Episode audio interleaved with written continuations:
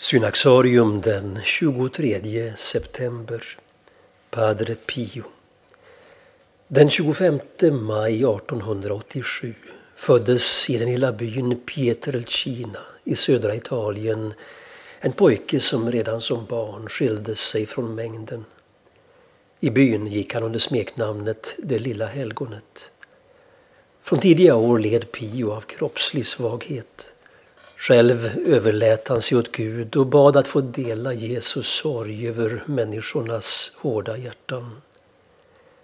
Innan han fyllt 20 år hade han bestämt sig för att bli munk i en av de strängaste ordnarna, kapucinerna, och blev även prästvigd.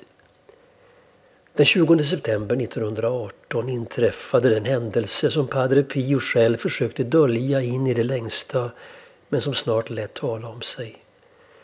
Efter en period av intensiv bön under morgonen då han på nytt kände bördan av Jesu nöd för världen kom en djup frid över honom. Han såg upp mot krucifixet och upplevde hur ett ljus flödade därifrån. Så starkt att han måste skyla sina ögon.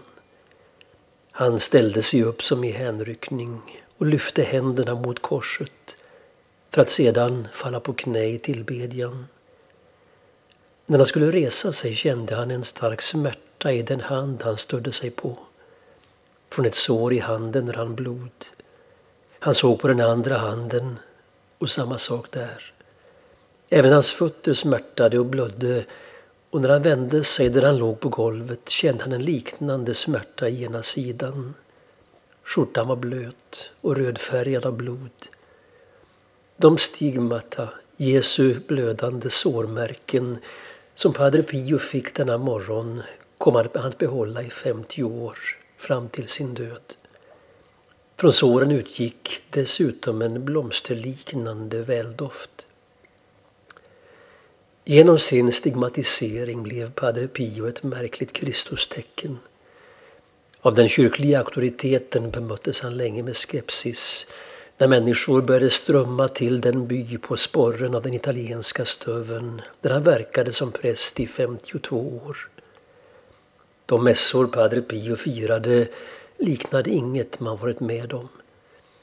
När han hängav sig i bön långt utöver vad som förskrevs i liturgin var det som att tiden försvann. Ett stort antal mirakel finns dokumenterade i samband med hans liv. Blinda blev seende, lama började gå, döva hörde och cancersvulster försvann genom hans förböner. Dagligen tog han emot stora skaror som sökte sig till honom för samtal och bikt.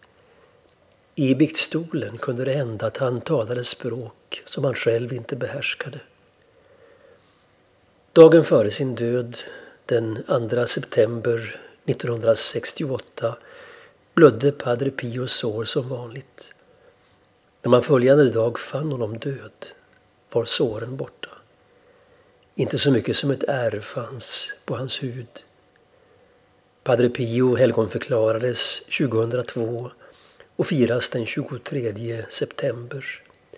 Byn Pietrelcina är idag en av Italiens mest besökta vallfartsorter.